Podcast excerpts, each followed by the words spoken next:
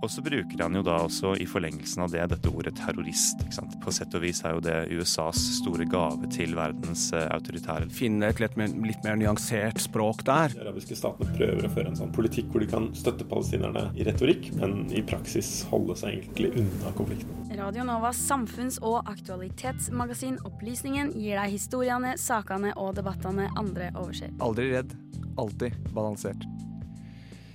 Ja da, det er Opplysningen 99,3 du hører på, og vi skal videre og eh, snakke om eh, Ja. Tenker Lise du kan få lov til å forklare selv hva vi skal snakke om. Fordi eh, you have the right to remain silent. Anything you say can and will be used against you in the court of law. Hva tenker du på når jeg sier disse ordene? Nei, Da tenker jeg på sånn typisk eh, USA-film eller serie der en CSI-agent sparker ned døren og eh, tar kjeltringen, putter den i eh, håndjern og tar den med til kasjotten. Og er, du er garantert ikke den eneste som tenker på dette når du hører eh, disse ordene. Men um, hvor kommer det egentlig fra? Jeg kunne selvfølgelig forklart deg det nå, men jeg har heller et innslag som forklarer det for meg. Her forleden så jeg igjen serien Breaking Bad, og la spesielt merke til scenen der Walter White blir arrestert. Eller mer spesifikt la jeg merke til noe som ble sagt idet Walter White blir arrestert. Walter White, you have the right to remain silent. Anything you say can and will be used against you in a court of law. You have the right to speak to an attorney and have an attorney present during any questioning. If you cannot afford an attorney, one will be provided for you at the government's expense. Det er på ingen måte første gang jeg hører dette. Disse ordene har jeg hørt utallige ganger i serier og filmer, men vet jeg egentlig hva det betyr? Og hva er egentlig opphavet til denne advarselen? Googler man 'You have the right to remain silent', får man opp over 160 millioner treff. Det er med andre ord en god del å sette seg inn i. Men jeg skal være helt ærlig med deg. Jeg har ikke lest alle 160 millioner artikler. For hadde jeg gjort det, så hadde jeg nok ikke vært på radio akkurat nå. Så la oss heller ta en liten kikk på de søketreffene jeg faktisk leste. Det første jeg fikk oppgitt, var at denne serien med setninger faktisk har et navn. Eller det var litt upresist. Det har to navn. The Miranda Rights eller The Miranda Warning. Den store forskjellen mellom disse to navnene er primært konteksten. Når politiet gir deg beskjeden eller advarselen, omtales det som The Miranda Warning. Mens dersom det er snakk om rettighetene, får det passelig nok navnet The Miranda Rights. For enkelhets skyld kaller vi det Miranda-advarselen. Men over til spørsmålene jeg stilte meg selv. Hva betyr det egentlig, og hva er opphavet? Vi kan begynne med det siste, for det er lettest å svare på. Ja, jeg sparer det vanskeligste til slutt. Spørsmål 1. Hvor kommer egentlig Miranda-advarselen fra? Som nesten alt i USA stammer dette fra en høyesterettssak. Miranda v. Arizona. Saken Miranda v. Arizona er på ingen måte en lett sak å snakke om, så la oss bare få det unnagjort så fort som mulig. 13.3.1963 ble Ernesto Miranda arrestert i hjemmet sitt og anklaget for å ha kidnappet og voldtatt en 18 år gammel jente. Etter to timers avhør tilstår Miranda kidnappingen og voldtekten. Denne tilståelsen ble lagt til grunn under rettssaken mot han. Til tross for at forsvarsadvokaten hevdet dette var uriktig, basert på det faktum at Miranda ikke hadde fått opplyst at han kunne ha en advokat til stede under avhørene. Da saken ble anket til Arizonas høyesterett, mente de også at Miranda ikke hadde vært offer for et brudd mot sine grunnlovsrettigheter, fordi han ikke spesifikt ba om å ha en advokat til stede. Ok, vi må ta en liten pause, for her kommer det en ny spiller inn på banen. Grunnlovsrettigheter. Fordi du har sikkert hørt om amendments eller grunnlovsendringer før. Og det er eh, to som er veldig relevante for denne saken.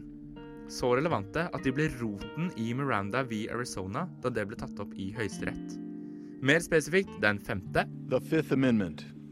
No person shall be held to answer for a capital or otherwise infamous crime unless on a presentment or indictment of a grand jury, except in cases arising in the land or naval forces or in the militia when in actual service in time of war or public danger. Nor shall any person be subject for the same offense to be twice put in jeopardy of life or limb, nor shall be compelled in any criminal case to be a witness against himself, nor be deprived of life, liberty, or property without due process of law, nor shall private property be taken for public use without just compensation. Og sjette. Amendment 6. In all criminal prosecutions, the accused shall enjoy the right to a speedy and public trial by an impartial jury of the state and district wherein the crime shall have been committed, which district shall have been previously ascertained by law, and to be informed of the nature and cause of the accusation, to be confronted with the witnesses against him, to have compulsory process for obtaining witnesses in his favor, and to have the assistance of counsel for his defense. The medlemmene av Representantenes hus, Andy Biggs, Dave Lobsack og Mimi Walters nå leste, den femte og sjette grunnlovsendringen, er som nevnt viktige for denne saken. Høyesterett bestemte at politiet skal opplyse mistenkte om retten deres til å ikke si noe, og innhente en advokat under avhør mens man er i politiets varetekt. Og der tenker jeg vi legger fra oss Miranda v. Arizona. Ikke fordi det ikke er mer å hente her, men fordi saken ikke blir særlig lysere, og det er tross alt ikke derfor jeg lager denne saken. Videre til mitt andre spørsmål. Spørsmål to. Hva betyr egentlig rettighetene du får tilgang til gjennom Miranda-advarselen? For å løse dette på best mulig måte foreslår jeg, og du godtar selvfølgelig i og med at du har trykket play, at vi tar det punktvis. La oss se på hver del av dette hver for seg. Punkt 1. You have a right to remain silent. For å trekke tilbake til grunnlovstilleggene jeg brukte altfor lang tid til å forklare i stad. Du skal altså slippe å tvinges til å være et vitne mot deg selv. Dersom du ikke ønsker å si noe, skal du få lov til det. Men formuleringen i dette er interessant nok. Og istedenfor at jeg skal forklare hvorfor dette er interessant, lar jeg advokat Bruce Edge gjøre det for meg. I would say it means it's worthless to you unless you use it. You have a right, use it, remain silent. This is a constitutional right, and it is of value to us only when we use it. Punkt 2. Anything you say can and will be used against you in a court of law. Husker du det jeg sa i stad, så skjønner du sikkert hvorfor dette er relevant. Alt det du forteller til politiet, kan brukes av politiet i rettssaken mot deg. Tilstår du, vil politiet altså bruke det mot deg. Punkt 3. You have a right to an attorney. Igjen tilbake til grunnlovstillegget. Du har rett på en advokat til stede, både under avhør og under rettssaken, med noen forbehold. Jeg sparer det til neste punkt. Punkt 4. If you cannot afford an attorney, one will be provided to you. Du har altså i USA retten til en advokat uansett hvor tjukk lommeboka di er. Har du ikke råd til en, får du en av staten. Eller mm, ikke egentlig. For det er riktignok noen stater der det er litt forskjellig. I Indiana, New Jersey, Nevada, Oklahoma og Alaska er setningen byttet ut med We have no way of giving you a lawyer, but one will be appointed for you if you wish, if and when you go to court. Et lite tankekors der. Punkt 5. Do you understand the rights I have just read to you? With these rights in mind, do you wish to speak to me? Akkurat dette ville ikke Hank spørre Walter om i klippet vi hørte tidligere. Men det hele baserer seg på at du skal forstå disse rettighetene. Noe du kanskje gjør etter denne saken. Og at du basert på dette kan velge å snakke med politimannen. Så kommer spørsmålet som utgjør bonusdelen. Spørsmål tre. Når er det egentlig du skal være mottaker til denne monologen?